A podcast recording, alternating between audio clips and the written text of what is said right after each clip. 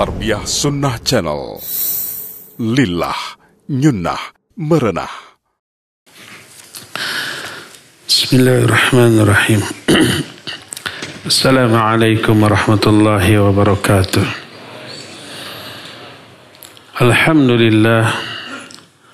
Wassalatu wassalamu ala rasulillah Muhammad ibn Abdullah wa ala alihi wa ashabihi wa mawalah wa bi ihsanin ila yaumil qiyamah wa ba'd.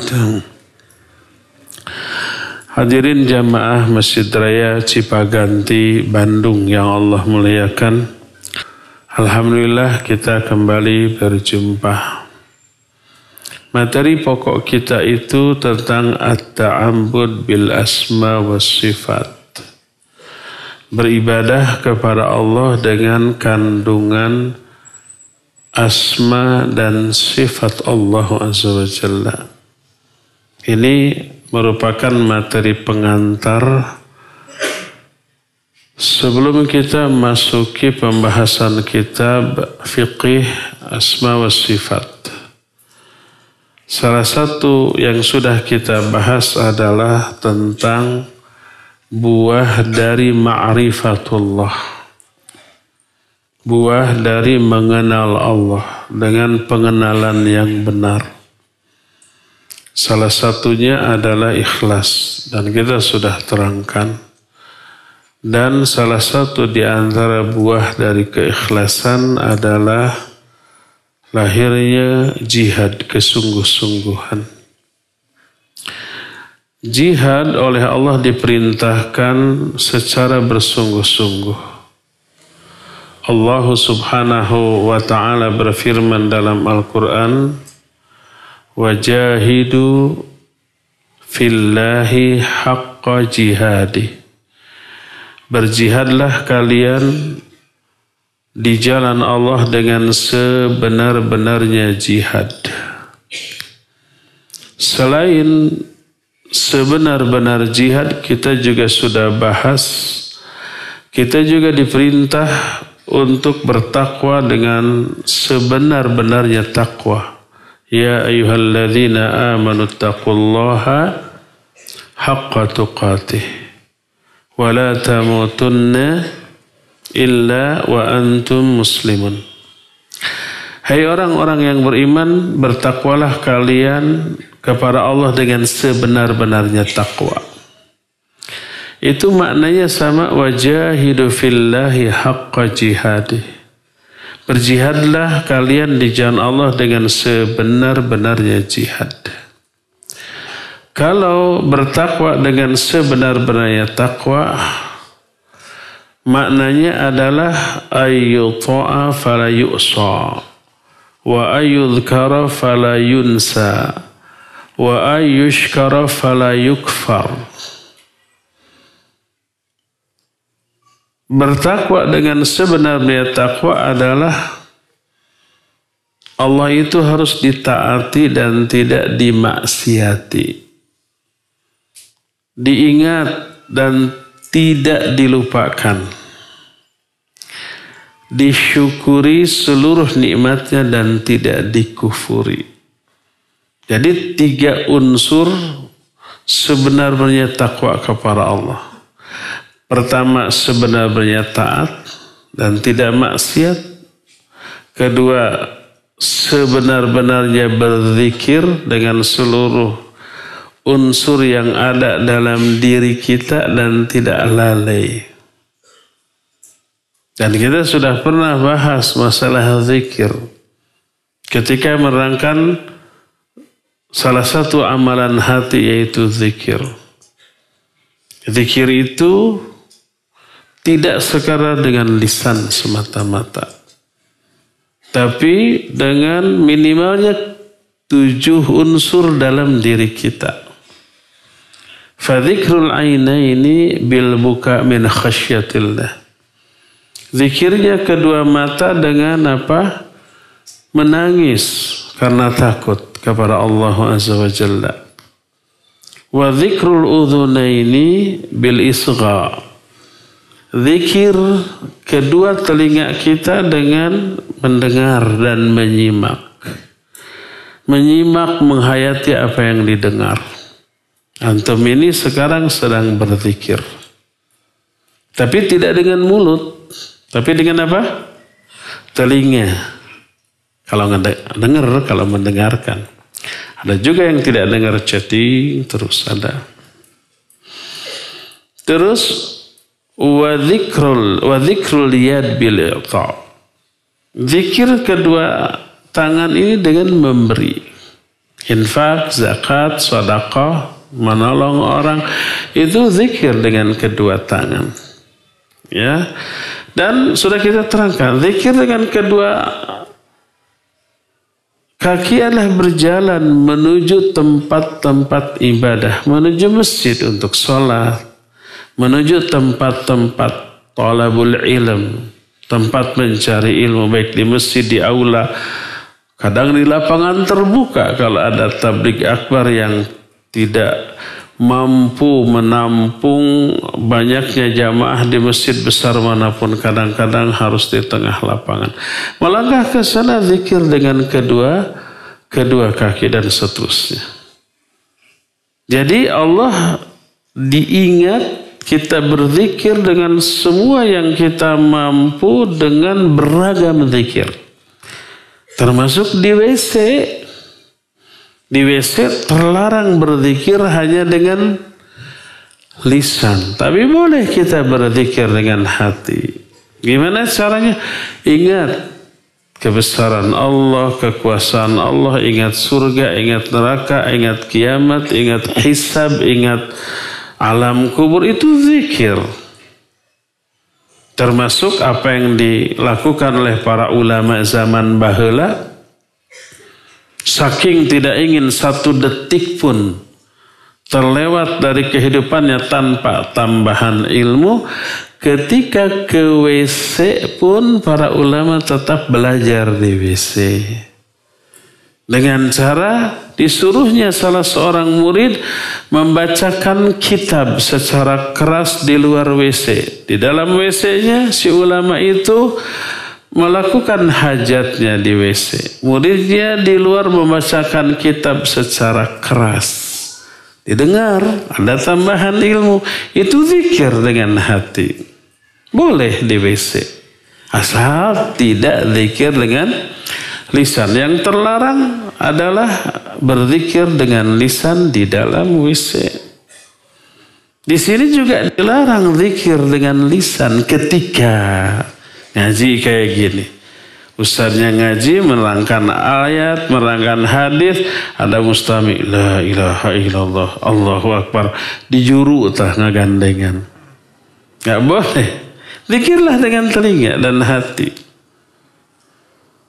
Jadi zikir kepada bisa dengan segala atau dengan berbagai macam bentuk yang disyariatkan sesuai dengan keadaan.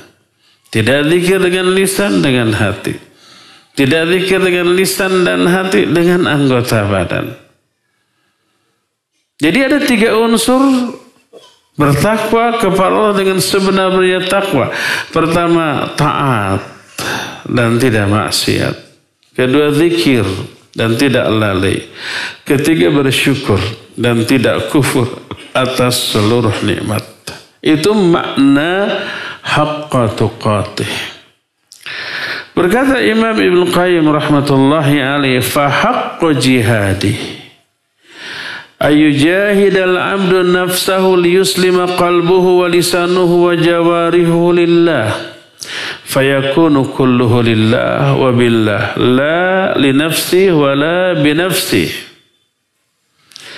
Adapun berjihad dengan sebenar-benarnya jihad adalah adalah seorang hamba berjihad melawan dirinya, menundukkan dirinya agar hatinya, lisannya, seluruh anggota badannya tunduk patuh kepada Allah Subhanahu wa taala. Fayakunu kulluhu lillah la li nafsi. Lillah wa billah la li nafsi wa la bi nafsi. Jadi seluruh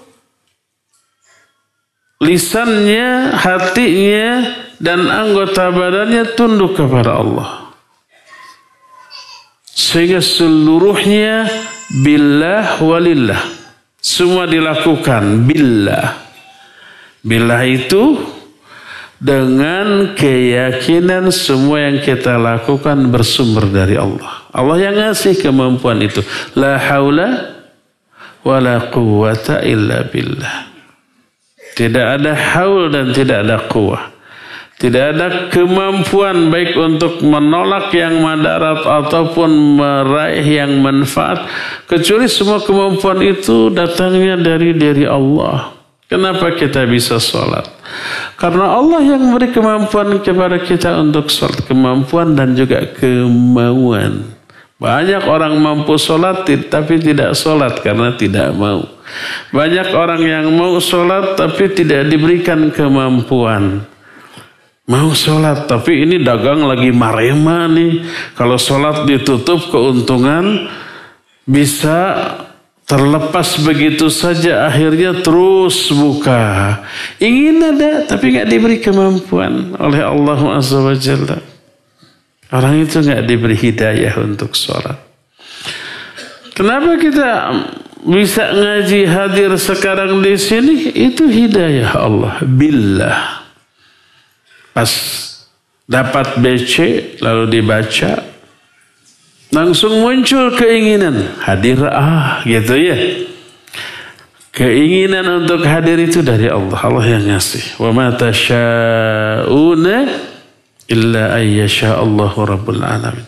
Kalian nggak punya keinginan kecuali kecuali Allah yang ngasih keinginan itu kepada kalian. Kalau kita punya keinginan untuk berbuat baik itu Allah yang kasih. La haula wala quwwata illa billah. Pas pada waktunya kita diberi kemampuan dari segala segi oleh Allah. Dari segi kesehatan, dari segi finansial ada ongkos ke sini, dari segi waktu, luang waktunya, tidak disibukkan dengan urusan dunia, semua urusan dunia ditinggalkan terlebih dahulu. Sekarang kan hari Selasa ya, hari kerja, tapi kok banyak ikhwan yang hadir. Bolos gitu. Ah, nggak uh, apa-apa kalau memang bukan kewajibannya atau kewajiban tapi seizin bosnya. Bos saya mau ngaji dulu nih, cuma sepekan sekali ya dua jam aja lah gitu umpamanya. Silakan datang, diberi kemampuan oleh Allah.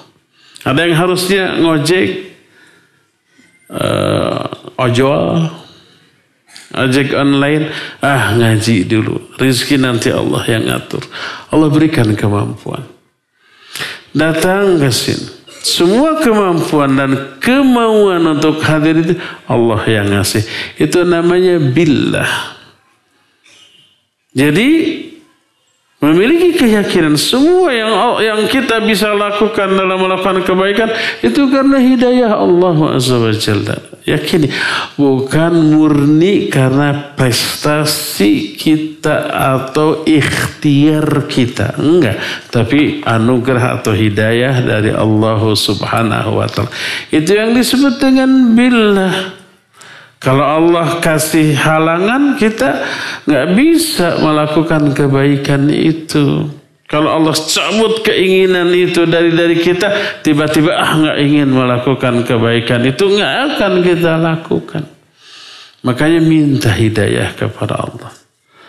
Minta kemampuan dan kekuatan untuk bisa ibadah semaksimal mungkin baik dari kualitas ataupun dari aspek kuantitas. Banyak-banyak berdoa. Rabbana la tuzigh qulubana ba'da id hadaitana wa hab lana min ladunka rahmah. Ya Allah jangan engkau sesatkan hati kami setelah engkau beri hidayah kami. Allahumma a'inni ala zikrika wa syukrika wa husni ibadatik. Ya Allah bantu aku, tolong aku untuk bisa berzikir kepadamu, bersyukur kepadamu dan ibadah yang baik kepadamu. Beri hidayah kami untuk itu. Itu billah. Jadi lisannya, perbuatannya, hatinya Melakukan ibadah billah itu pertama. Kedua, lillah. Untuk Allah. Ikhlas. Lillah maknanya adalah untuk meraih apa yang ada di sisi Allah dan bukan meraih apa yang ada di sisi manusia. Yang ada di sisi Allah itu pahalanya, ampunannya, rahmatnya, keridhoannya, surganya, semua yang Allah janjikan untuk orang-orang yang beramal soleh. Kita berharap semua itu ketika melakukan amal soleh. Itu lillah.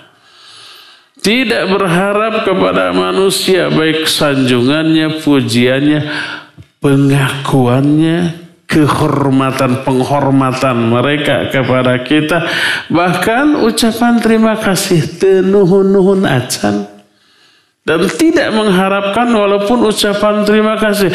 Innama nut'imukum liwajhillah. La nuridu minkum jazaa'u wala syukura kami memberi kepada kalian itu lillah. Tidak mengharapkan balasan dari kalian ataupun ucapan terima kasih.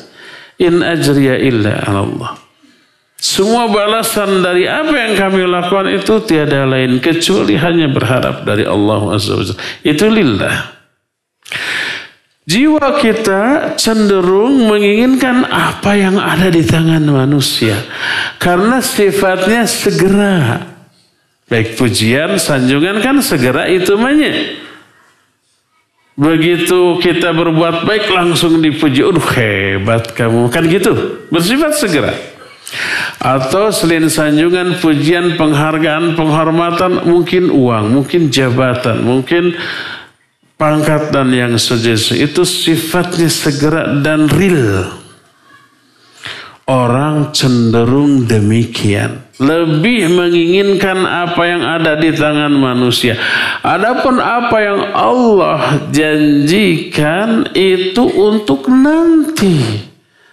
Tidak terasa secara langsung saat itu juga. Kadang nantinya itu masih di dunia tapi mungkin beberapa hari, minggu, bulan, tahun yang akan datang atau kelak ditunda di akhirat. Makanya karena tidak langsung, tidak kontan orang tidak begitu tertarik. Lebih tertarik untuk memperoleh apa yang ada di hadapan atau di, di tangan manusia. Umumnya kan begitu. Jiwa seperti itu berjihadlah menundukkan jiwa agar jiwa kita ini lebih tertarik memperoleh meraih apa yang ada di sisi Allah Azza wa Jalla. Maka Imam Ibnu Qayyim menyatakan Fahaqqa jihadi ayujahid al-abdu nafsahu liyuslim liyuslima qalbuhu wa lisanuhu wa jawarihu lillah fayakunu kulluhu lillah wa billah la bi nafsi wa la li nafsi Berjihad dengan sebenar-benarnya jihad kepada Allah adalah pertama, seorang hamba hendaklah berjihad memerangi dirinya agar hatinya, lisannya, seluruh anggota badannya semuanya tertuju lillah wa billah. Menyadari meyakini semua kemampuan kita datangnya dari Allah sehingga tidak takabur. Tidak merasa dirinya hebat dengan prestasi yang diraihnya. Prestasi ibadah yang diraihnya. Enggak. Itu semua dari Allah. Walillah dan untuk Allah. La binafsi wala nafsi. Bukan karena kemampuan pribadinya dan bukan untuk kepentingan dunianya. Tapi lebih cenderung kepada akhirat. Ya. Ini Unsur pertama dari jihad dengan sebenar-benarnya jihad yaitu jihad melawan diri sendiri agar diri sendiri ini seluruhnya taslim, pasrah hati kita, lisan kita, anggota bidan kita hanya untuk Allah dan meyakini semuanya itu dari Allah. Itu pertama. Kedua, Termasuk juga jihad dengan sebenar-benarnya. Jihad adalah ini yang susah. Sama susahnya dengan yang pertama tadi. Tidak ada yang gampang. Gampang dilisankan. Susah untuk dipraktekkan. Wa yujahid syaitanahu bitakdzibi wa'dih wa ma'siyati amrih wa irtikabin nahyi. فإنه يعد الأماني ويمني الغرور ويعد الفقر ويأمر بالفحشاء وينهى عن التقى والهدى والعفة والصبر وأخلاق الإيمان كلها kedua termasuk jihad dengan sebenar-benarnya jihad ini langkah kedua fase kedua stage kedua dari jihad Stage pertamanya tadi melawan diri sendiri. Kedua, berjihad melawan setan, godaan setan. Dengan cara apa? Mendustakan seluruh janji-janji setan. Si setan itu tukang gombal. Kalau janji itu sekadar untuk membujuk, tidak untuk dilaksanakan. PHP pemberi harapan palsu. Tidak sekedar ikhwan yang PHP setan itu rajanya PHP dustakan tuh semua janjinya itu. Maksiati atau durhakai seluruh perintahnya. Langgar seluruh larangan-larangannya Kan si setan itu kenapa? Karena setan suka menjanjikan angan-angan. Setan suka memberikan angan-angan sekedar untuk tipuan. Setan menjanjikan kefakiran ketika kita infak zakat sodakoh dan menjanjikan kekayaan ketika kita apa? Bakhil, pelit. Kita mau infak sodakoh. Itu Soekarno Hatta sudah di, di, diambil itu dari dompet kita. Warna merah ya, yang halus-halus. Setan datang. Kalau kamu infak segede itu. Nggak ada untuk kuota, beli kuota nanti. Sebentar lagi ini paket habis kamu. Nggak bisa chatting, nggak bisa browsing kamu. Ya, Mending gambar monyet saja. Jadi setan menjanjikan kemiskinan ketika apa? Ketika berinfak dan bersodakoh. Agar pertama, nggak jadi infak. Kedua, rizkinya agar lebih sempit. Karena kebakhilan mempersempit rizkinya. Dan kedermawanan membuka luas pintu rizki dari Allah Azza wa Jalla. Yang kedua tentu saja agar tidak dapat pahala dan tidak gugur dosa dengan infak dan sodakoh yang dilakukannya. Infak sodakoh itu bisa menghapus dosa. Infak dan sodakoh itu bisa meredam kemurkan Allah. Inna sodakoh tudfi'u ghadabar rahman. Sodakoh itu bisa memadamkan api kemarahan Allah Azza wa Jalla kepada kita. Dijanjikan kemiskinan, eh, dijanjikan kekayaan bagi orang yang bakhil, dijanjikan kemiskinan kepada orang yang dermawan. Ya, itu janji setan. Dustakan bohong kamu. Yang benar kalau kita infak sodako, pintu rizki semakin terbuka. Kalau kita bakhil, semakin dipersempit. Ingat, bahwa salah satu penyebab rezeki diperluas oleh Allah dalam diri kita adalah bila kita menjadikan diri kita sebagai pintu tersampaikannya rizki bagi orang lain melalui kita. Rizki orang lain sering kali datang melalui kita diinfakkan, disodakohkan, dibantu, ditolong gitu kan. Jadi rizki orang lain Allah salurkan melalui diri kita. Dan kita sebagai pintu penyalurannya tentu saja dapat lebih dari Allah Jalla. Zakat kan dua, dua setengah persen. Segede-gede zakat kan 10 persen dari pertanian yang tak ada hujan seperti itu kan. Sisanya 97,5 persen atau kalau pertanian 10 persen itu untuk kita. Rizki untuk orang lain yang tersalur melalui kita hanya sedikit. Jadi kita menjadikan diri kita sebagai pintu tersampaikannya rizki orang lain. Makanya semakin kita umpah keluar infaknya, zakat, sodakohnya dan seterusnya, semakin dipercaya oleh Allah ini. Orang bisa dipercaya untuk menjadi pintu penyaluran sampainya rizki orang lain melalui kita tuh gitu. Tapi kalau umpah berapapun Allah ngasih ke kita tuh untuk kita aja, ah, nggak tersalur untuk orang lain. Sudah rizki untuk orang lain tidak Allah salurkan melalui kita. Oleh karena itulah, itulah konsep. Sampainya rizki berdasarkan nas Al-Quranul Karim. Maka dustakan janji-janji angan-angan setan, bujuk rayu setan kepada kita. Dan itu cara berjihad melawan setan. Berkata Imam Ibn Qayyim, "Wa yujahid asyaitanahu bitakdzibi wa'dih wa maksiati amri wa irtikabin nahyi."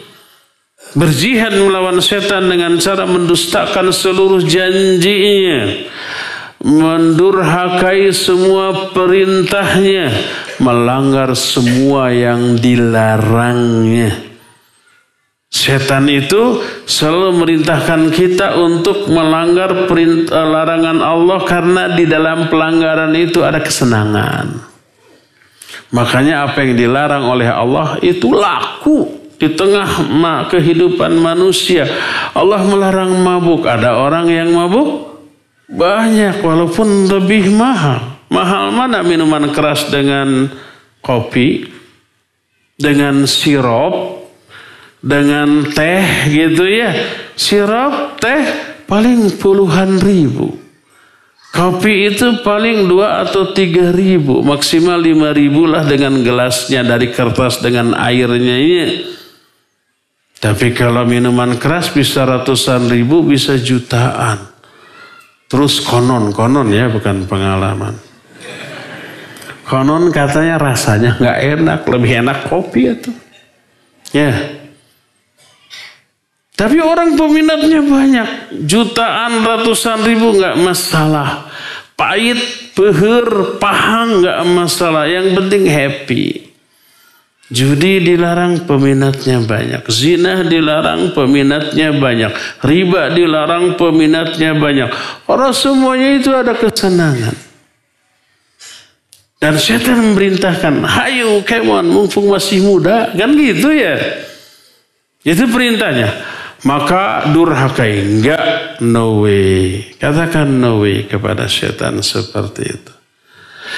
Dan setan melarang kita dari semua kebaikan. Nggak perlu bangun sebuah azan mah. Tenang, masih belum komat. Tarik aja selimut. Pas komat tenang, belum takbiratul ihram. Setelah takbiratul ihram, rokaat pertama belum ruku. Kita ruku juga dapat satu rokaat tuh. Ada dalil. Gitu ya. Sudah masuk rokaat kedua, tenang. Rokaat terakhir juga kita masih dapat sholat jamaah. Dan dapat pahalanya. Walaupun kita ikut tahiyat akhir imam tahiyat akhir langsung kita takbir langsung kita ikut duduk tahiyat akhir dapat pahala sholat berjamaah. Tapi beda kadarnya dengan dari awal ya. Tapi masih dihitung sholat berjamaah. Tenang. Sampai imam salam tenang sholat subuh besok ada lagi begitu terus tuh langgarlah larangan ya. Kenapa setan harus didurhakai? Kenapa larangan setan harus dilanggar, perintahnya harus ditentang, seluruh janjinya harus didustakan karena setan menjanjikan angan-angan. Setan itu mengangan-angankan dalam bentuk tipuan, menjanjikan kekayaan bagi sikap yang bakhil dan menjanjikan kefakiran bagi kedermawanan, memerintahkan kepada fahsya dan mungkar dan melarang dari ketakwaan, dari hudan, dari sabar, dari ifah dan dari kemuliaan akhlak fajahidhu bitakdzibi wa'di wa maksiati amrih maka berjihadlah melawan setan dengan cara mendustakan seluruh janjinya dengan cara mendurhakai seluruh perintahnya dengan cara melanggar seluruh larangan setan. Nih jadi berjihad melawan setan dan berjihad melawan diri sendiri. Tadi. Jihad dengan sebenarnya jihad ada dua. Pertama jihad melawan diri sendiri tundukkan diri sendiri agar seluruhnya tunduk kepada Allah. Kedua jihad melawan syaitan. Dari dua jenis jihad ini kata Imam Ibnu Qayyim fayansha'u lahu min hadainil jihadaini quwwatun wa sultan wa uddatun yujahidu biha ada Allah fil kharij biqalbihi wa lisanihi wa yadihi wa malih litakuna kalimatullahi hiyal ulya ini fondasi. Fondasi dari seluruh jenis jihad Imam Ibn Qayyim dari dua jenis jihad tadi. Jihad melawan diri sendiri dan jihad melawan siapa? Syaitan. Lahirlah kekuatan dan kekuasaan di dalam hati. Sebagai persiapan untuk jihad melawan musuh yang real dan nyata. Dari kalangan manusia Baik orang kafir, orang munafik, ahlul bidah dan ahlul ma'asi baik dengan hati, dengan lisan, dengan tangan, bahkan dengan harta agar kalimat Allah menjadi kalimat tertinggi yang tegak di muka bumi. Kalau jihad melawan diri sendiri dan jihad melawan setan, musuhnya kan tidak real, tidak nyata ya. Ya bisa dipukul, nggak bisa dipenggal, nggak bisa dibunuh, cuma bisa ditaklukkan. Jiwa kita hanya bisa ditaklukkan. Setan hanya bisa ditaklukkan dengan cara yang tadi sudah diterangkan.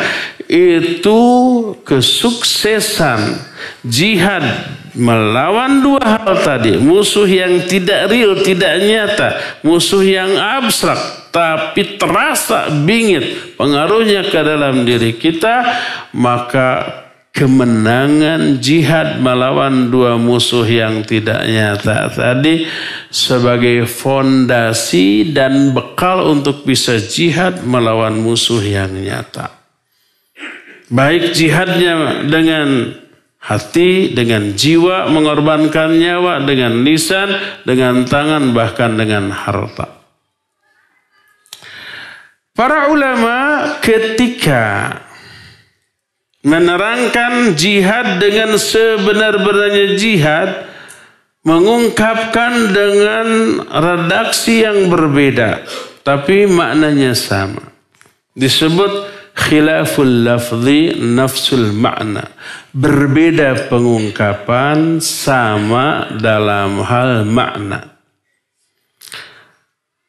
Berkata Ibnu Abbas radhiyallahu anhuma kata beliau haqqa jihadi huwa istibragu ta'ati fi wa alla yakhafa fillahi laumata laim jihad dengan sebenar-benarnya jihad adalah mengerahkan segenap kemampuan dalam melaksanakan syariat Allah.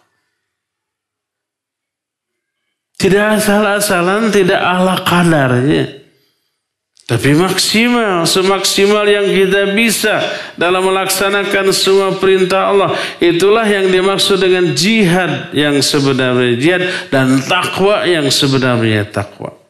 Maknanya sama. Kerahkan seluruh segenap kemampuan dan potensi-potensi kita dalam mentaati Allah. Terus wa alla yakhafa fillahi laumata laim dan sedikit pun tidak merasa takut, kecewa, sedih terhadap celaan orang-orang yang mencela ketika kita melakukan ketaatan kepada Allah. Ingat, setiap orang yang takwa kepada Allah, melaksanakan perintah Allah, itu mengundang reaksi sentimen dan nyinyir dari orang-orang yang jauh dari syariat Allah. Ada nggak orang yang melakukan kebaikan tapi dicela, diberikan gelar-gelar yang buruk karena ketaatannya? Banyak orang yang memelihara jenggot dengan motivasi sunnah Nabi SAW. Disebut dengan sebutan kambing. Kita lewat, orang-orang bilang me gitu kan. Maksudnya menghina kepada kita. Bukan menghina pribadi kitanya, tapi syariat Allah yang kita amalkan. Ahwat memakai jilbab besar apalagi bercadar lewat di hadapan orang-orang fasik. Mereka tertawa, ketawa, ketiwi sambil saling apa memberi isyarat merendahkan orang-orang yang bercadar tersebut. Disebut ada ninja, ciat segala macam gitu kan. Ada berbagi sawah lewat. Ada yang begitu? Ada. Terlebih yang lebih populer itu teroris lewat. Itu ekstremis lewat. Itu radikalis sedang lewat. Ada yang begitu? Banyak di hampir setiap tempat. Bagaimana? Kalau kita mengalami itu jangan cemen, nangis, langsung masih HP konsul ke Ustadz. Ustadz saya disebut ninja. Sakit hati saya, sakitnya tuh di sini. Cemen. La yakhafuna laumata laim. Tidak takut, tidak kecewa dengan celaan orang-orang yang mencela karena melaksanakan perintah Allah Azza wa Jalla. Kata orang Sunda mah jauh keneh kana pejit atau Maknanya masih jauh ke Pejit usus, maknanya tidak sampai beresiko melukai jiwa kita. Allah, gitu ya. Nabi SAW dan para sahabat zaman dahulu sampai nyawa taruhannya. Diusir, dilempari, ditaploki ketika sujud dengan kotoran unta. Ya, mau dibunuh, dikepung dan seterusnya. Kita jauh. Belum sampai taraf ke sana. Sudah nangis meraung-raung, sudah curhat. Ah udah buka lagi ah gitu bulu cun wedeita. Lebih tahan disebut Tarsan daripada disebut ninja. Ah, seperti itu. Ahwat, Ikhwan, jangan sedih karena disebut ninja, berbagi sawah atau kambing atau karena cingkrang kebanjiran, kurang bahan dan seterusnya. Bahagialah. Karena itu menghapus dosa. Karena itu menuai pahala. Dan pahala yang Allah berikan kepada orang itu sebanding dengan 50 pahala amal soleh yang dilakukan oleh para sahabat radhiyallahu anhum ajmain. Berkata Rasul sallallahu alaihi wasallam, "Inna mi waraikum ayyaman" as-sabiruna fihi atau dikatakan al-mutamassikuna fihi min uh, bisunnati. Kal qabidi al-jamr. Wal amilu fihinna. Nah, disebut. Walil amili fihinna mithlu ajri khamsina amalikum. Nanti di kemudian hari ada beberapa masa waktu. Beberapa masa atau waktu atau hari-hari yang orang-orang yang berpegang teguh kepada sunnahku di hari itu seperti orang yang memegang bara api.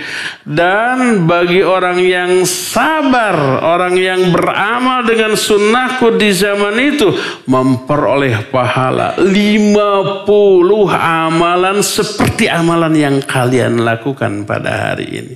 Amalan para sahabat. Jadi hanya dengan disebut ninja atau disebut kambing karena berjenggot tanpa beramal hanya harus sabar itu 50 amalan sahabat kita dapat. Di samping apa? Menggugurkan dosa-dosa. Eker ma eker orang teh dosa terus-terusan barjeng tara tobatnya. Itu susah diterjemahkannya itu. Allah baik dosa kita digugurkan dalam bentuk memperoleh ejekan, cacian dan makian karena melaksanakan perintah dari Allah Azza wa Jalla. Dan itu termasuk salah satu di antara makna wajahidu fillahi haqqa jihadi. Berjihadlah kamu. Di jalan Allah dengan sebenar-benarnya berjihad. Diharapkan setelah memahami hal itu nggak akan lagi ada ikhwan dan ahwat yang cemen. Yang curhat, meraung, menangis sampai mengirim imot yang sedang menangis hanya karena di diejek ketika mengamalkan syariat Islam ini. Jadi kata Ibnu Abbas radhiyallahu anhu makna sebenar-benar jihad adalah mengerahkan seluruh kemampuan dalam mentaati Allah dan tidak takut terhadap celaan orang-orang yang mencela di jalan Allah. Berkata Maqatil bin Hayyan rahimahullahu taala seorang ulama ahli tafsir. Makna berjihad di jalan Allah dengan sebenar-benarnya jihad adalah i'malu lillahi haqqa amali wa'buduhu haqqa ibadati. Beramallah karena Allah dengan sebenar-benarnya amalan. Dan beribadahlah kepada Allah dengan sebenar-benarnya ibadah. Makna sebenar-benarnya amalan dan sebenar-benarnya ibadah adalah amalan dan ibadah yang memenuhi dua syarat. Pertama, ibadah dan amalan itu dilakukan ikhlas karena Allah dan yang kedua sesuai dengan sunnah Rasul Sallallahu Alaihi Wasallam. Berkata Abdullah bin Mubarak rahimahullah Imam Ibn Mubarak menyatakan makna jihad dengan sebenar-benarnya jihad adalah wa mujahadatun nafsi wal hawa yaitu jihad memerangi diri sendiri dan hawa nafsu Tidaklah benar orang yang menyatakan bahwa dua ayat tadi sudah dimansuh. Dua ayat tadi itu pertama bertakwa kepada Allah dengan sebenarnya takwa. Kedua berjihad di jalan Allah dengan sebenarnya jihad. Kata sebagian orang itu sudah dimansuh dengan fattaqullaha mastata'tum. Bertakwalah kepada Allah dengan sesuai dengan kemampuan kalian. Bukan sebenar-benarnya takwa. Jadi yang sebenarnya takwa sudah dihapus oleh ayat ini. Keliru kata Imam Ibn Qayyim. Karena apa? Dua ayat itu tidak saling bertolak belakang. Yang dimaksud bertakwa dengan sebenar-benarnya takwa artinya bertakwa sesuai dengan maksimal kemampuan kita. Dikerahkan semua kemampuan kita dari segala segi. Kalau kita umpama mampu infak dan sodakoh seratus ribu, tapi kita keluar cuma sepuluh ribu, itu bukan bertakwa dengan sebenarnya takwa dan jihad dengan sebenarnya jihad. Enggak, karena tidak sesuai dengan kemampuan maksimal. Kemampuan maksimalnya bisa seratus ribu. Kok ini cuma sepuluh ribu? Dua ayat tadi dilanggar. Ya. Berdasarkan hal itulah maka setiap orang jihad dan takwa baik sebenarnya jihad dan sebenarnya takwa berbeda sesuai dengan kadar kemampuan, kadar ilmu dan situasi yang sedang dialami. Kadar ilmu berbeda, situasi yang dialami berbeda dan kemampuan juga berbeda. Orang kaya dengan orang miskin berbeda kemampuan finansialnya dalam hal infak dan sodako. Pengorbanan orang miskin yang infak 10 ribu bisa jauh lebih gede pahalanya dibanding orang kaya yang infak dan sodako sejuta. Orang yang kaya orang miliaran itu uangnya infak sejuta malah bari itu ya nggak seberapa dari miliaran rupiah ya. Sejuta persentasenya kecil 0, sekian persen. Tapi orang miskin dia punya hanya umpamanya 20 ribu untuk hari itu. Infak 10 ribu. Berapa persen? 50 persen. Pengorbanannya tuh lebih gede orang miskin yang infak 10 ribu dibanding orang kaya yang sejuta tadi. Dan bisa lebih gede yang infaknya 10 ribu dibanding yang sejuta orang kaya tadi. Situasi berbeda, kemampuan berbeda. Ya, Berdasarkan hal itulah maka Allah subhanahu wa ta'ala memerintahkan jihad dan takwa sebenarnya jihad dan sebenarnya takwa tanpa menyulitkan orang yang melakukannya. Karena orang yang melakukannya pasti mampu. Makanya seusai ayat itu dalam surah Al-Hajj ayat 78 ketika wajahidu fillahi haqqa jihadi Allah berfirman huwajtabakum wa ma ja'ala alaikum fid dini min haraj Allah lah yang telah memilih kalian dan Allah tidak menjadikan kesulitan keberatan di dalam melaksanakan agama ini. Kenapa kita diperintah? Perintahnya maksimal. Kalau takwa, takwa maksimal. Jihad, jihad maksimal. Kenapa?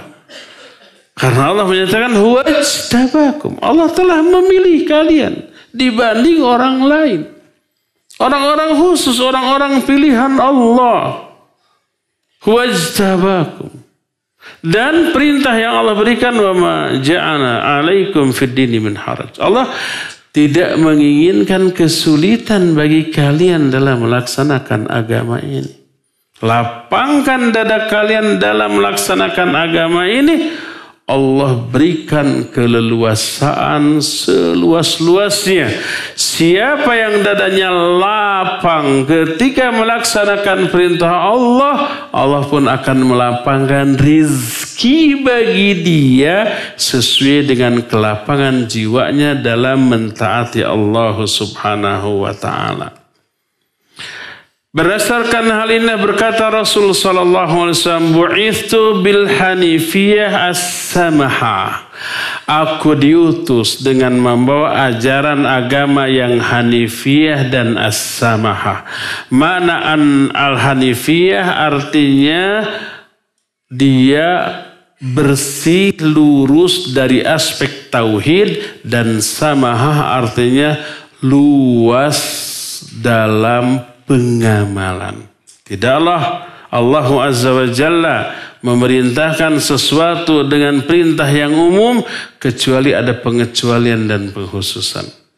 Diperintahkannya saum sesuai dengan kemampuan kecuali orang-orang yang punya uzur ada ganti bisa di bulan lain bisa dengan fidyah atau di bulan lain tidak bisa fidyah juga tidak bisa bebas tak perlu fidyah dan tak perlu diganti dengan sob. Kalau dua-duanya tidak mampu. Dalam keadaan safar berat melakukan sholat pada waktunya bisa dikosor bisa dijama. Allah mengharamkan beberapa hal. Lalu Allah beri ganti dengan yang jauh lebih baik daripada apa yang Allah haramkan Allah haramkan daging babi. Allah haramkan bangkai. Allah haramkan darah. Allah haramkan yang disembelih tidak dengan menyebut nama Allah. Dan Allah berikan ganti makanan yang jauh lebih baik sebagai sesuatu yang halal. Allah haramkan khamar, Allah halalkan banyak jenis minuman yang jauh lebih bermanfaat dan lebih enak. Bisa teh, bisa kopi, bisa sirup, bisa jus, bisa air putih, segala macam. Allah haramkan zina dan Allah berikan gantinya yang jauh lebih bersih, lebih baik, lebih menyenangkan dan lebih menenteramkan. Yaitu apa? Menikah. Bisa satu nggak cukup satu, maka sabar. Sabar itu bukan berarti eh, mencukupkan satu, boleh ikhtiar nambah. Itu sabar. Dan tidaklah Allah Azza wa Jalla memberi kesulitan kepada manusia kecuali setelahnya Allah akan berikan gantinya dua kemudahan. Satu penderitaan Allah akan ganti dengan dua kebahagiaan. Satu kesulitan Allah akan ganti dengan dua buah kemudahan setelahnya Allah berfirman, Inna ma'al usri yusran, inna ma'al usri yusran. Dua kali ayat itu dengan lafaz yang sama diulang, maknanya adalah setiap set, uh, satu kesulitan akan datang setelahnya dua kemudahan. Maka berkata Rasul sallallahu alaihi wasallam dalam hadis yang dikeluarkan oleh Imam Al-Hakim dalam kitab Al-Mustadrak. Beliau berkata, "Falai usrun yusraini." Satu kesulitan tidak akan bisa mengalahkan dua kemudahan. Hadis yang diterima dari Al Hasan ketika menjelaskan inna ma'al usri yusran inna ma'al usri yusra Berkata Al-Hasan, kharajan Nabi sallallahu alaihi wasallam masruran farhan wa huwa yadhhak. Wa huwa yaqul la yaghlib usrun yusraini innal ma'usri yusran inna ma'al usri yusra. Suatu saat Nabi keluar dengan wajah yang cerah, sumringah, senang, gembira, bahagia sambil tertawa. Beliau berkata, satu kesulitan tidak akan bisa mengalahkan dua kemudahan. Lalu beliau membacakan ayat inna ma'al usri yusran, inna ma'al usri yusra. Itulah kelapangan, keluasan rahmat Allah yang Allah berikan bagi hamba-hambanya. Jadi kesulitan, penderitaan, kanyeri kaperih no alaman ku orang itu sebagai tiket untuk memperoleh dua kebahagiaan, dua kebaikan, dua kemudahan. Maka ikhwan ketika kita menderita Apa pun jenis penderitaan kita, ketika kita mengalami kesulitan penderitaan, apa pun bentuknya, fisik ataupun psikis, Berbahagialah, optimislah itu tanda sebentar lagi kita akan diberikan oleh Allah Azza wa Jalla dua kebaikan, dua kebahagiaan, dua kemudahan yang pasti akan datang setelahnya. Karena Allah menjanjikan demikian dan Allah itu tidak akan pernah ingkar terhadap janji. Ya. Nah, itulah makna dari jihad dengan sebenar-benarnya jihad. Yaitu jihad dengan melawan dua musuh yang tidak terlihat. Pertama melawan diri sendiri agar diri ini tunduk kepada Allah. Lisannya, hatinya, anggota badannya. Billah walillah. Kedua melawan Setan dengan cara apa tadi? Mendustakan janji-janjinya, melanggar larangannya, mendurhakai apanya? Perintahnya. Tukang ngegombal, anggap lagi, anggap sajalah setan itu lagi kampanye, gitu kan? Biasanya kan yang kampanye menjanjikan, yang kampanye menjanjikan banyak hal ya agar terpilih setelah terpilih dilakukan tidak? Tidak, kebanyakan tidak. Ya satu dua dari seribu janji mungkin satu dua dilaksanakan, sisanya tidak. Nanti kalau tahun depan digugat lagi, nah gampang lagi. Ya, orang biasa sudah lupa terhadap apa? Pengkhianatan lima tahun yang lalu itu sudah berlalu. Tinggal kasih sedikit kebaikan sudah lupa tuh pemilih itu. Biasanya kan begitu.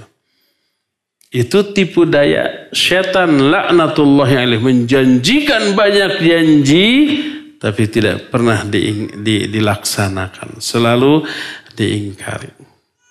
Nah, idza urifa hadza kalau sudah diketahui difahami konsep jihad seperti itu maka sesungguhnya harus diketahui bahwa jihad ada beberapa tingkatan, 13 tingkatan jihad. Ya, empat yang pertama su, uh, sudah uh, apa, empat tingkatan secara umum sudah kita terangkan. Jihad melawan diri sendiri itu pertama. Kedua jihad melawan setan. Ketiga jihad melawan orang kafir, keempat jihad melawan orang-orang munafik. Jihad melawan diri sendiri ada empat tingkatan. Sudah kita terangkan. Pertama jihad melawan diri sendiri dalam hal mencari ilmu. Butuh jihad ketika mencari ilmu. Sebelumnya ketika mencari ilmu dan setelahnya. Sebelumnya berupaya agar tidak gagal datang ke kajian. Ketika mencari ilmu harus berjihad. Ayah tunduhnya. Ada yang ingin chatting, ingin browsing. Ada yang tidur ada. Ada yang ngobrol. Yang paling nyebelin yang terakhir yang ngobrol. Perlu jihad. Dan setelahnya. Apa setelahnya? Kedua, mengamalkan ilmu yang sudah didapat itu perlu jihad.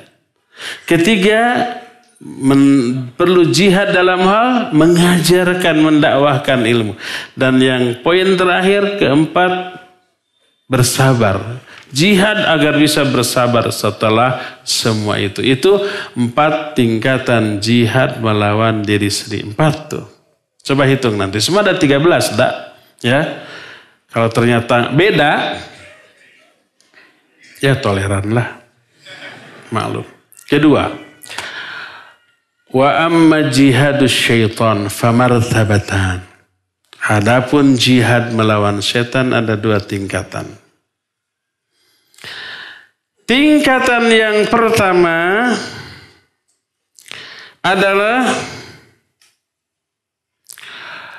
jihaduhu ala daf ima yulqi ilal amdi minasyubuhat wasyukukul qa'i wasukukil qa'idah uh, qadihah fil iman. Pertama, jihad melawan setan dalam hal menepis, menolak syubhat dan syukuk yang dicampakkan setan ke dalam hati manusia. Yang pertama. Kedua, jihaduhu ala daf'i ma yulqi ilaihi min al-iradatil fasidah syahawat.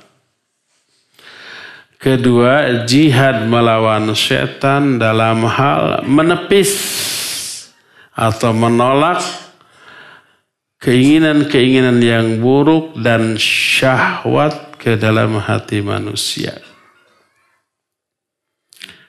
Dua yang selalu dicampakkan setan ke dalam hati manusia. Pertama syubhat, kedua syahwat.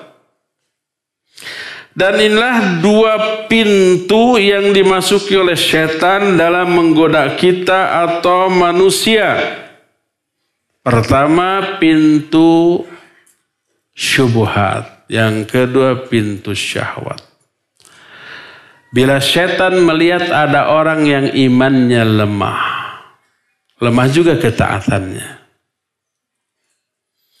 Setan menyeret orang itu kepada pintu syahwat. Orang yang imannya lemah, gampang terseret kepada pintu syahwat. Tahu bahwa itu haram. Tahu bahwa itu terlarang. Tahu bahwa itu dosa. Tapi karena lemahnya iman, lemahnya ketaatan, eh, dikeraya. Apa dikeraya teh? Ya di, di, di, dilakukan sedikit demi sedikit. Tahu itu haram? Tahu. Tahu itu terlarang? Tahu. Kenapa tuh? Ya gimana lagi ya tuh. Udah seneng. Nah gitu. Ada nggak orang yang melakukan sesuatu yang dia yakini keharamannya Padahal dia tahu betapa dahsyat azab bagi pelaku yang haram itu ada banyak. Mungkin semua kita begitu. Kita tahu nggak bahwa gibah itu dosanya besar? Tahu. Suka nggak kita gibah? Osok. Ya. Tidak sering, cuma sehari paling ya seratus kali. sering segitu. Coba tanya pelaku gibah, tahu nggak itu dosa? Tahu. Sadar nggak? Sadar. Kenapa dilakukan? Dah senang nggak tuh? Karena lemahnya ini. Itulah syahwat. Syahwat itu dosa yang dilakukan karena hawa nafsu. Karena lemahnya iman. Walaupun tahu keharamannya. Syahwat itu adalah dosa yang dilakukan dengan ilmu. Makna dengan ilmu Tahu ilmu jauh itu haram, bahwa itu terlarang. Tanya kepada para penjudi, kepada para pemabuk, kepada para pezina, dan kepada para pelaku kejahatan. Tahu nggak bahwa semuanya itu haram? Tahu. Adapun bagi orang yang kuat imannya, kuat ketaatannya, setan akan menyeret dia kepada syubhat. Lalu karena syubhat itulah dia terjerumus ke dalam dosa yang lebih besar daripada maksiat tadi yaitu apa? Kebidahan. Baik di bidang akidah terutama di bidang tauhid termasuk juga juga di bidang ibadah itu Allah itu setan hembuskan kepada orang yang kuat iman. Kuat juga ketaatannya.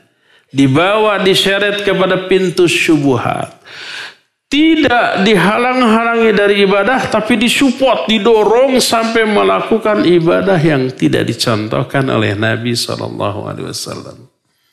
Setelah itu diberi semangat, ruh jihad dan diberi argumentasi oleh setan untuk menganggap benar terhadap ibadah yang keliru tadi. Makanya jangan coba-coba yang seperti itu diganggu gugat.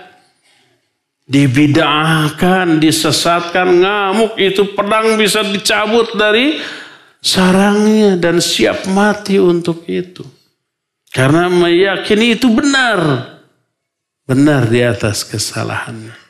Itu bahaya dari apa? Syubhat. Ya. Berdasarkan hal itulah maka Jihad melawan setan ada dua. Menolak, menepis syahwat yang dihembuskan oleh setan dan menepis juga syubhat. Menepis syahwat dengan iman dan amal soleh. Menepis syubhat dengan ilmu. Maka menepis syubhat itu tadi dengan ilmu maka dengan ilmu tertepislah syubhat keraguan-raguan dan tumbuhlah keyakinan. Adapun menepis syahwat harus dengan kesabaran. Tahu ini haram dan menyenangkan. Aduh, senang kalau melakukan itu tapi sabar, sabar, sabar. Nah, dengan kesabaran bisa tertepis. Maka orang yang memiliki dua hal ini yaitu ilmu untuk menepis syubhat. Kesabaran untuk menolak syahwat. Dia akan menjadi ikutan manusia yang lainnya. Dia akan menjadi imam Imam itu apa? Orang yang di diikuti. Ucapannya, tingkah lakunya, sikapnya. Walaupun dia bukan pemimpin formal. TRT-RT acan. Kenapa imam yang empat imam? Abu Hanifah, Imam Malik, Imam Syafi'i, Imam Ahmad rahimahumullahu taala jami'an. Itu disebut imam, padahal TRT-RT acan. Karena pendapat mereka dalam masalah agama, sikap mereka, ucapan mereka, amalan mereka diikuti orang. Kenapa Imam Bukhari, Imam Muslim, Imam Abu Daud, An-Nasai dan seterusnya disebut imam? Padahal bukan pemimpin formal. Karena semua penjelasan yang tentang hadis itu imam di bidang hadis. Itu diikuti oleh orang. Keimaman dalam masalah agama hanya bisa teraih dengan teraihnya dua syarat. Yakin dan sabar. Yakin dengan ilmu dan sabar dengan amal soleh. Berfirman Allah Azza wa dalam surah As-Sajdah ayat 24, "Wa ja'alna minhum a'immatan yahduna bi amrina lamma sabaru wa kanu bi ayatina yuqinun." Kata Allah, kami jadikan di kalangan manusia imam-imam yang diikuti oleh manusia. Kenapa? Yahduna bi amrina. Imam ini memberi petunjuk dengan perintah kami, dengan syariat kami. Lama sabaru. Pertama karena kesabaran mereka dalam menolak syahwat. Yang kedua, wakanu bi ayatina yuqinun dan mereka yakin terhadap ayat-ayat kami. Keyakinan ini lahir dari ilmu. Ilmu yang diyakini inilah yang bisa menolak syubhat-syubhat. Maka berkata para ulama, Fa anna imamata fid din innama tunalu sabri wal yaqin fas sabru yadfa'u syahawat wal iradatil fasidah wal yaqin yadfa'u syukuk was syubuhat. Allah mengabarkan dalam ayat ini bahwa keimaman dalam perkara agama. Makna keimaman dalam perkara agama itu orang tersebut diikuti dalam aspek agamanya. Mereka lah para ulama. Keimaman dalam perakar agama hanya bisa diraih dengan dua yaitu sabar dan yakin. Kesabaran bisa menolak syahwat dan keinginan-keinginan untuk berbuat buruk dan keyakinan bisa menolak syubhat dan syukuk. Syukuk itu keraguan. Syubhat itu kesalahfahaman dalam memahami agama karena kebodohan. Karena ketidaktahuan. Dia memahami agamanya dengan royu, dengan perasaan, dengan budaya, dengan adat istiadat, dengan kebiasaan, bukan dengan ilmu. Akhirnya lahir pemahaman yang keliru dalam memahami agama. Kalau pemahamannya keliru, otomatis pengamalannya ya keliru juga. Ya, dakwahnya keliru juga. Itu wajib ditepisnya dengan ilmu. Maka ilmu bisa melahirkan keyakinan. Keyakinan inilah yang menolak syubhat dan syukuk. Berdasarkan hal itulah maka kalau jihad melawan diri sendiri ada empat tingkatan, maka jihad melawan setan ada dua tingkatan, yaitu tingkatan pertama menolak syahwat, yang kedua menolak syubhat. Syahwat ditolak dengan iman dan amal soleh, syubhat ditolak dengan ilmu. Enam. Berarti berapa lagi? Tujuh tingkatan lagi. Tujuh tingkatan lagi. Jihad melawan orang-orang kafir dan orang-orang munafik. Oh. Itu ada empat tingkatan. Terus yang kelima jihad melawan pertengahan antara muslim dan kafir. Siapa? Pelaku kezoliman dan pelaku kebidahan. Kita harus jihad juga melawan mereka. Ada tingkat-tingkatan. Ini akan kita bahas nanti hari Selasa yang akan datang ya. Sekarang cukup sampai di sini dan kita masih punya sisa waktu untuk bertanya. Ala nabina Muhammadin wa ala alihi wa ashabi wasallam. Iya Pak Mulyono, mangga. Iya, Barakallahu Fik Pak Mulyono ada pertanyaan orang punya banyak uang ingin infak dan sedekah kepada anak yatim lalu dititipkan kepada orang yang dipercaya gitu ya. Yayasan ustadz atau yang apa namanya bisa menyalurkan ke anak yatim. Apa alasannya? Alasannya pertama selain dia ingin dapat pahala menyantuni anak yatim dia juga ingin membantu citra citra baik dari dakwah yang diusung oleh pribadi ustadz atau yayasan dakwah. Sebab nanti anak yatim yang diberikan bantuan melalui yayasan, melalui ustadz nanti ada rasa simpati dan kehutangan budi enggak oleh ustadz tersebut? Ya, masyarakat juga melihat ini yayasan atau ustadz ini nyumbang ke anak yatim. Walaupun sang ustadz mengatakan ini titipan dari jamaah. Tapi tetap ke bawah baiknya. ya Dan itu membantu. Membantu dakwah. Orang jadi semakin simpati kepada dakwah yang dilakukan. Bagus. ya Siapa yang berpahala? Dua-duanya. Orang yang infak dan sodakohnya berpahala. Pahalanya dari dua pintu. Pintu pertama dari harta dia yang infak ke anak-anak yatim. Pintu kedua dia memberi citra yang bagus kepada dakwah yang dilakukan oleh ustadz atau yayasan yang diamanati tersebut. Bagaimana dengan ikhwan atau ustadz yang diberikan amanah lalu disampaikan apakah berpahala juga? Tentu saja berpahala. Pahala ta'awun alal birri wa taqwa. Itu pertama. Kedua, pahala dari mampunya dia menepis godaan setan untuk memiliki niat-niat buruk ada nggak setan menghembuskan ini uang untuk anak yatim titipan 100 juta. Udah salurkan aja setengahnya 50 juta sakuan dah. Orang nggak akan tahu. Ada nggak bisikan seperti itu? Ada. Pasti ada. Ditepis. Enggak. Dunia untung 50 juta.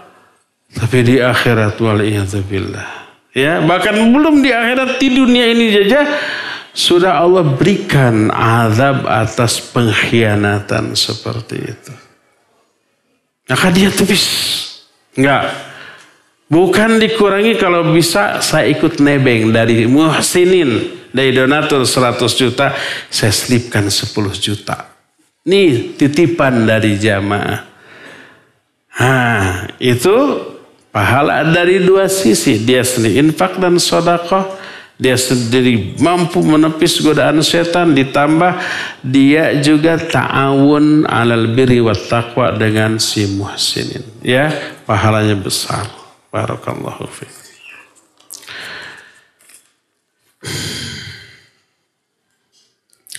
Assalamualaikum warahmatullahi wabarakatuh. Waalaikumsalam warahmatullahi Afan Ustaz, bersediakah Ustaz menjadi aduh eh, menjadi wali nikah saya? Ya nggak boleh. Harus ayahnya. Ayahnya nggak ada, ada kakak kandung, ada adik kandung, laki-laki. Tidak ada kakak kandung, tidak ada adik kandung, ya pamannya, uaknya. Tidak ada semuanya wali hakim. KUA mewakili pemerintah. Saya tidak boleh. Bukan mau tidak mau. Mau sih mau saja. Ya. Bersediakah? Tidak bersedia bukan karena tidak mau, tapi memang secara syar'i tidak boleh.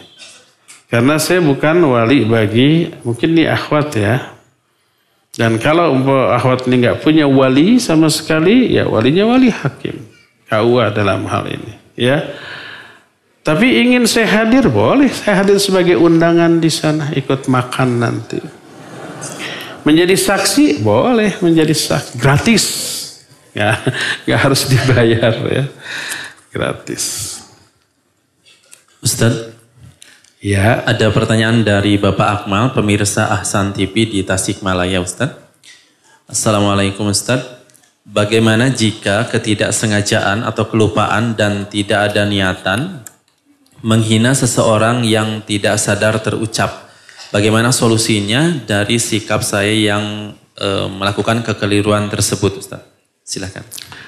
Iya, Bapak siapa?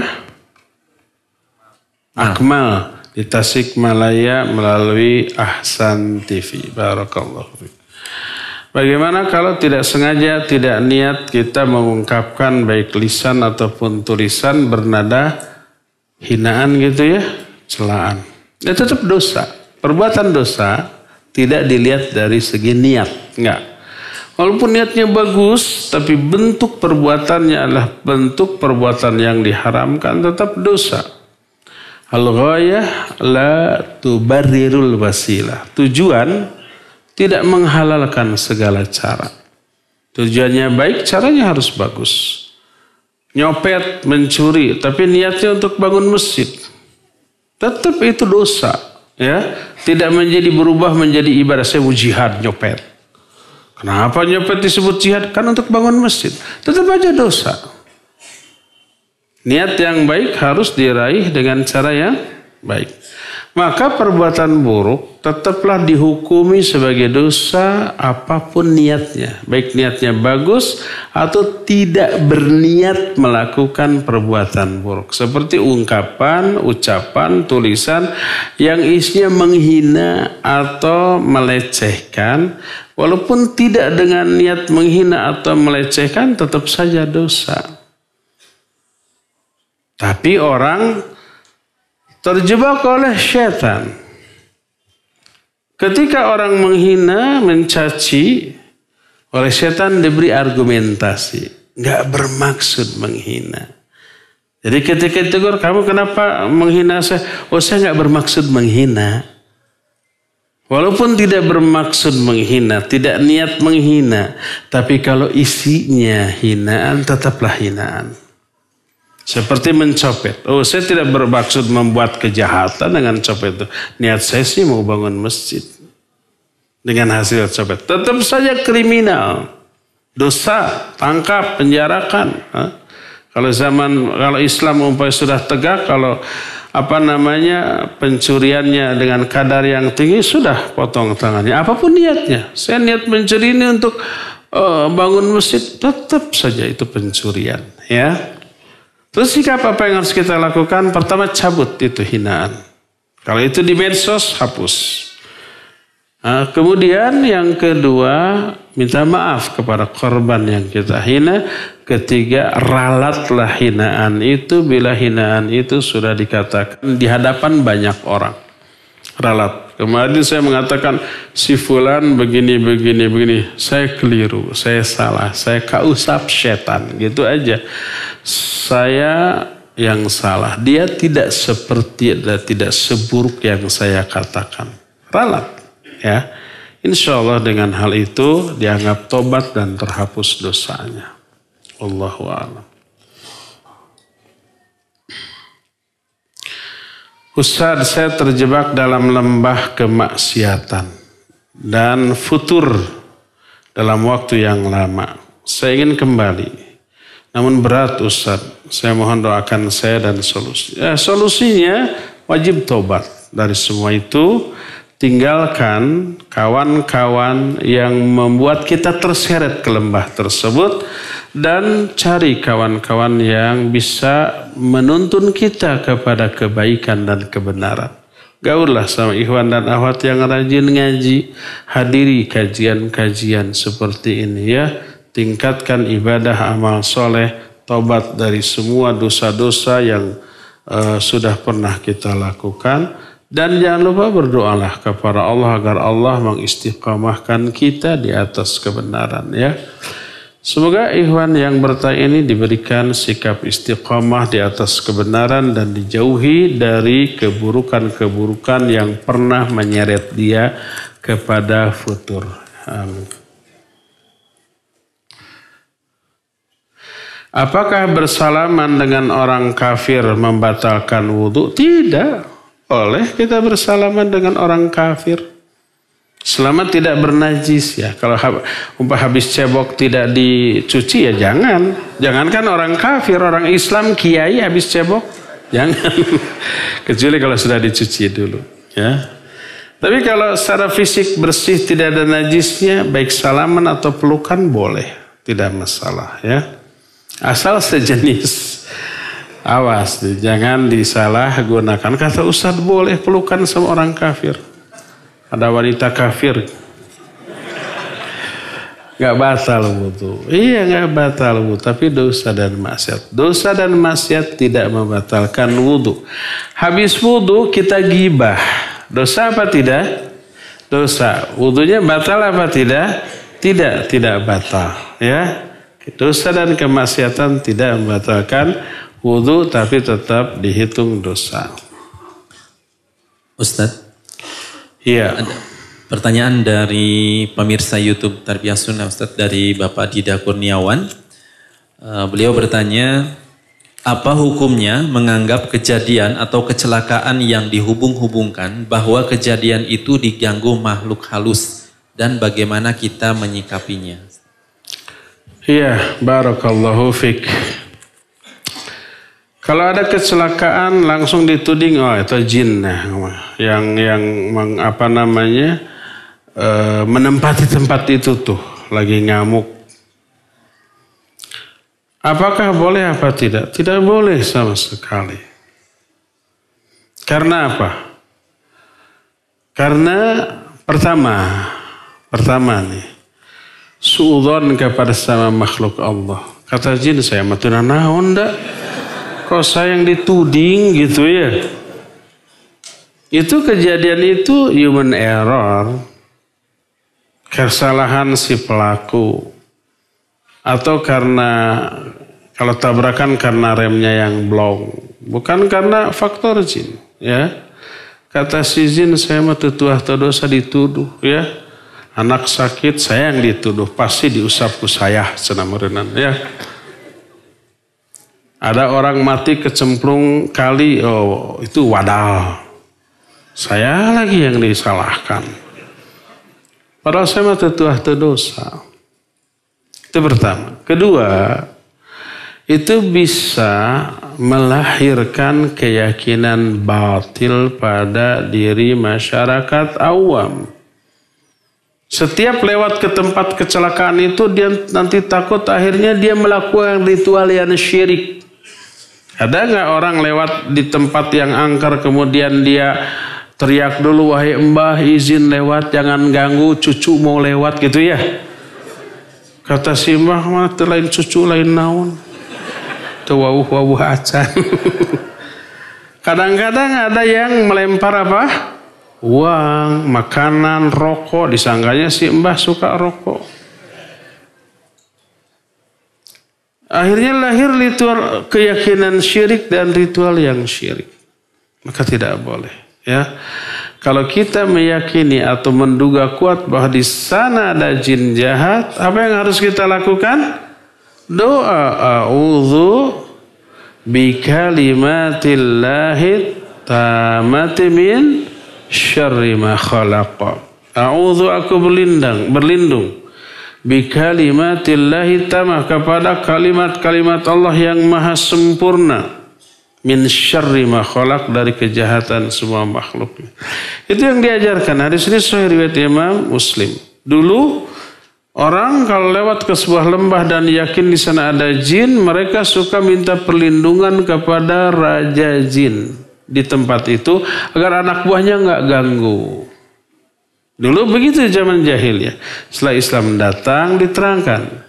Annahu kana rijalu minal insi ya'udhuna birijali minal jinni fazaduhum rohako. Ada orang-orang laki-laki di kalangan manusia yang suka minta perlindungan kepada laki-laki bangsa jin. Itu hanya menambah kedurhakaan, kesombongan mereka.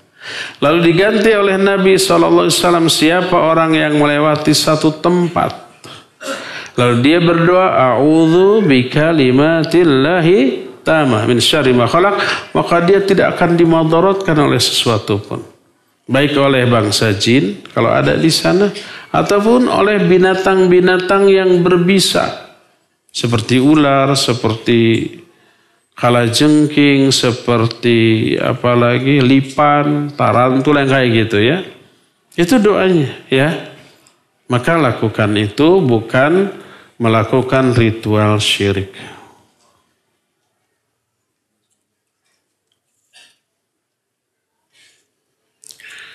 Jangan bertanya tentang pribadi ya, bertanyalah tentang syariat.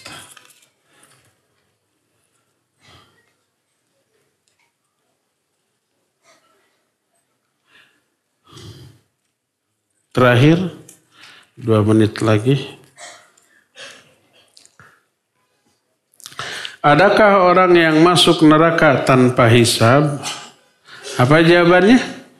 Ada. Berapa orang? Berapa orang dari kalangan umat Islam yang masuk surga tanpa hisab?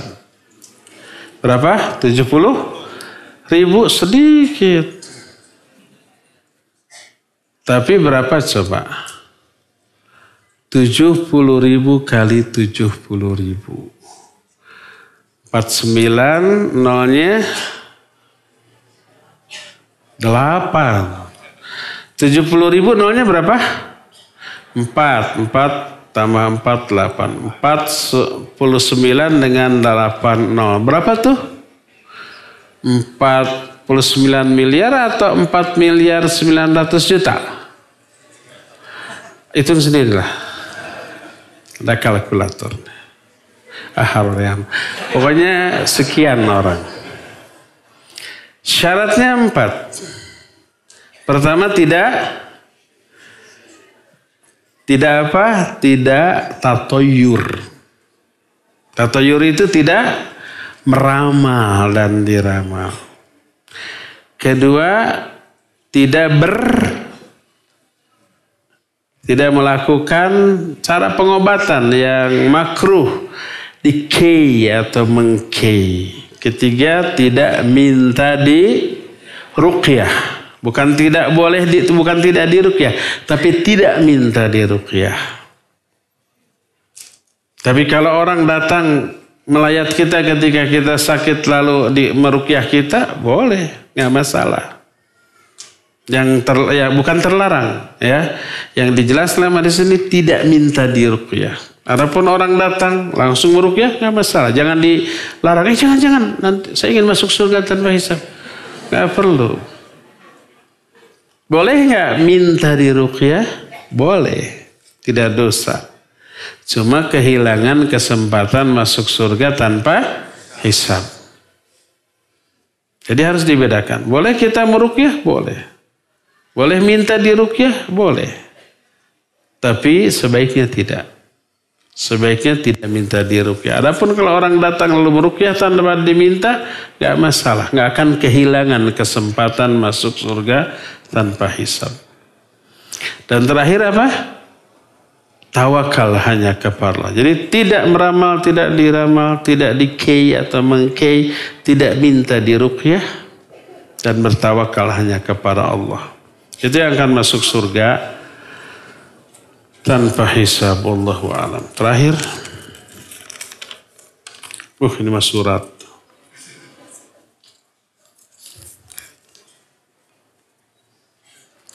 Apa arti dan makna Rob dan Ilah dalam bahasa Arab? Apa perbedaan keduanya dalam bahasa Indonesia? Kedua-duanya diartikan dalam bahasa Indonesia, kedua-duanya diartikan sebagai Tuhan.